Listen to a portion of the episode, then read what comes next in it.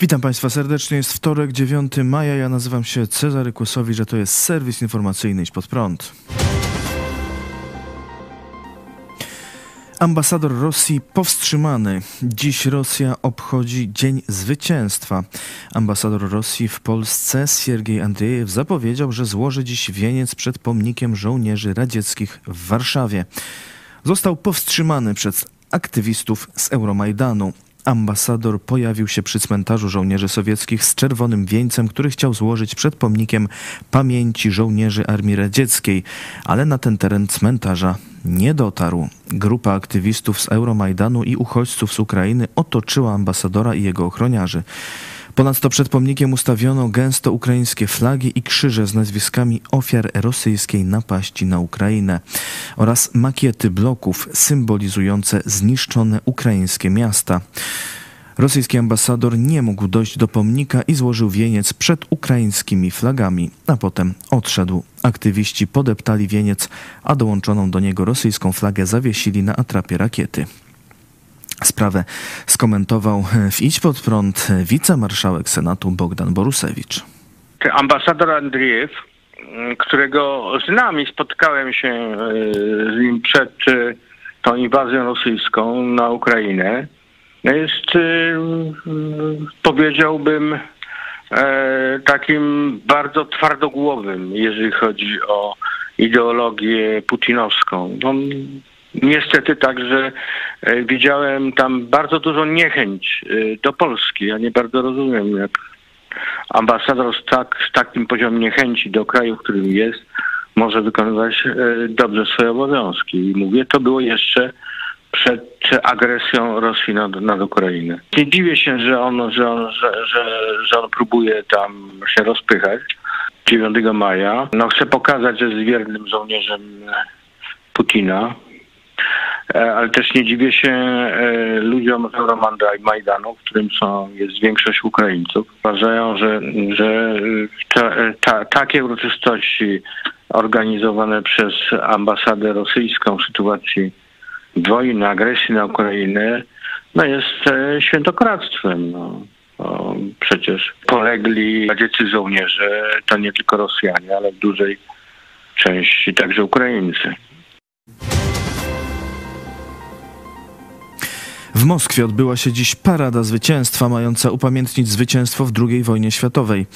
Okazja zwykle wykorzystywana do prezentowania rzekomej potęgi i wspaniałości rosyjskiego oręża, tym razem stała się przedmiotem drwin. Parada była dużo mniejsza niż w ubiegłych latach. Całkiem odwołano część lotniczą, a szczególne rozbawienie komentatorów wzbudził fakt, że w paradzie uczestniczył tylko jeden czołg. T-34. W wielu innych miastach uroczystości w ogóle odwołano. Ukraiński kanał 24 drwi z Rosji. Na paradzie zwycięstwa w Moskwie pojawił się tylko czołg T-34, który został nazwany Dumą, ale jest pewien niuans. Ta Duma została stworzona i wyprodukowana nie w Rosji, ale w Charkowie, w Ukrainie. A gdzie są działa i inne czołgi? Co się stało? Pastor Paweł Chojecki w dzisiejszym Iść Pod Prąd na żywo przestrzegał jednak, żeby nie ulegać zbytniemu optymizmowi. Niestety Ruscy dużo wytrzymają.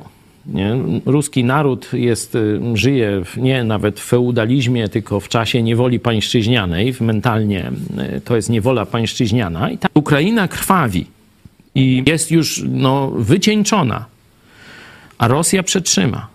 Rosja przetrzyma. Oczywiście nie zrobią parady e, i tak dalej, i tak dalej, jeszcze parę rzeczy, e, ale absolutnie zobaczcie, że te takie mówienie, że już tam się amunicja wyczerpie, już tam nie mają czym walczyć.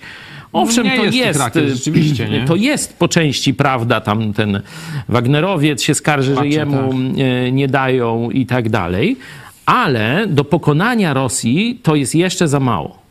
Dlatego y, tu bym jakiejś wielkiej fety bym z tego powodu, że taka nędzna ta parada, że Rosja no, nie ma czym już paradować albo boi się, nie, bo to też jest, boi się zamachów, y, to bym z, tej, z tego bym jakiejś wielkiej fety czy radości nie robił.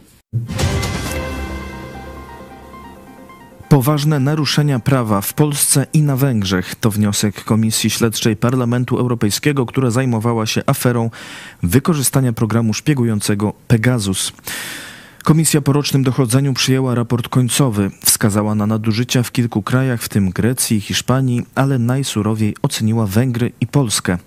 W komunikacie Parlamentu Europejskiego czytamy: w przypadku Węgier posłowie argumentują, że używanie oprogramowania szpiegującego było częścią skalkulowanej i strategicznej kampanii mającej na celu zniszczenie przez rząd wolności mediów i wolności słowa.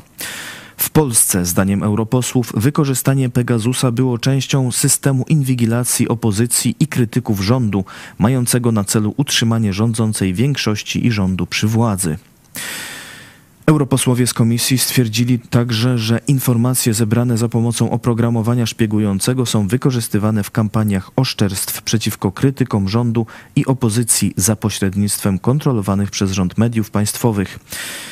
Komisja śledcza podkreśliła też, że rządy w Polsce i na Węgrzech zlikwidowały niezależne mechanizmy nadzoru.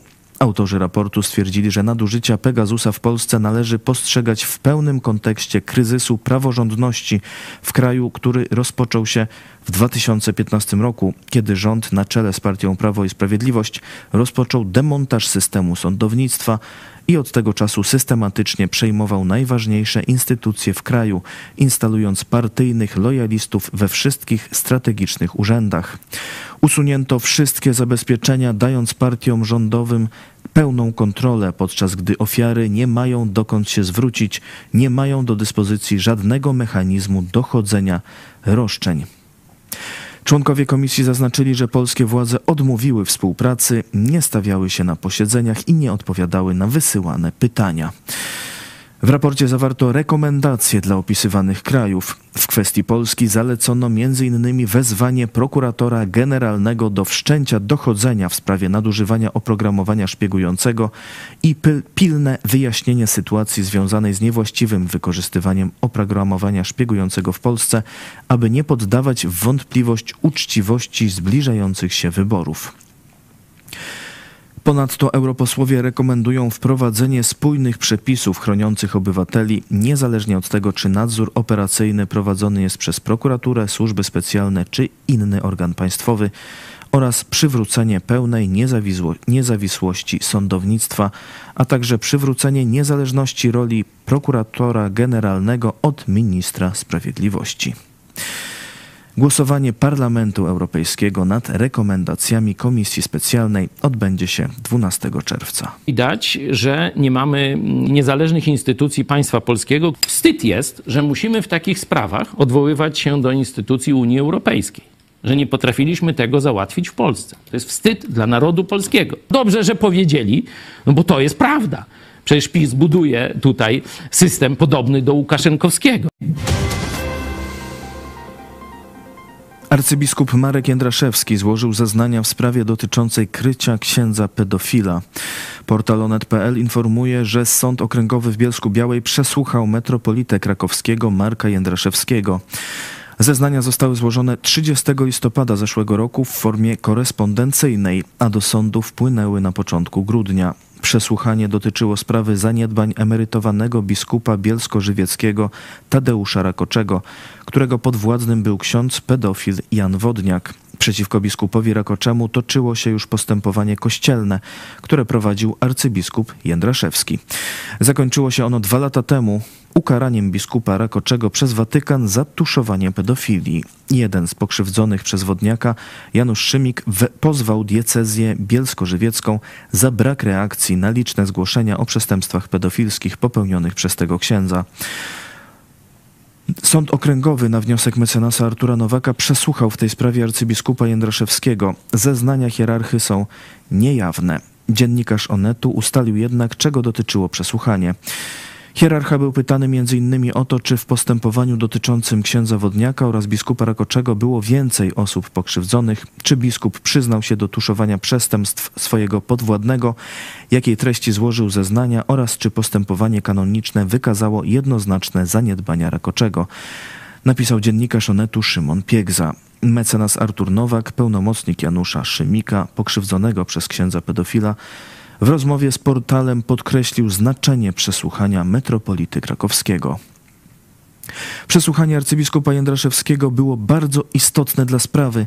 Z udzielonych przez niego odpowiedzi sąd może wyciągnąć odpowiednie wnioski co do zachowania biskupa Rakoczego i jego braku działań w latach 1993 i 2007, gdy pokrzywdzony zgłaszał mu swoją krzywdę, a ten nie reagował, stanął po stronie przestępcy a nie po stronie ofiary.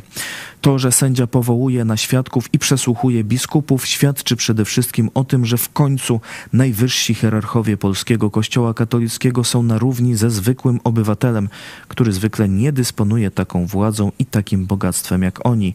Myślę, że to najwyższa pora masowego rozliczenia Kościoła za przestępców w sutannach, powiedział Onetowi mecenas Artur Nowak.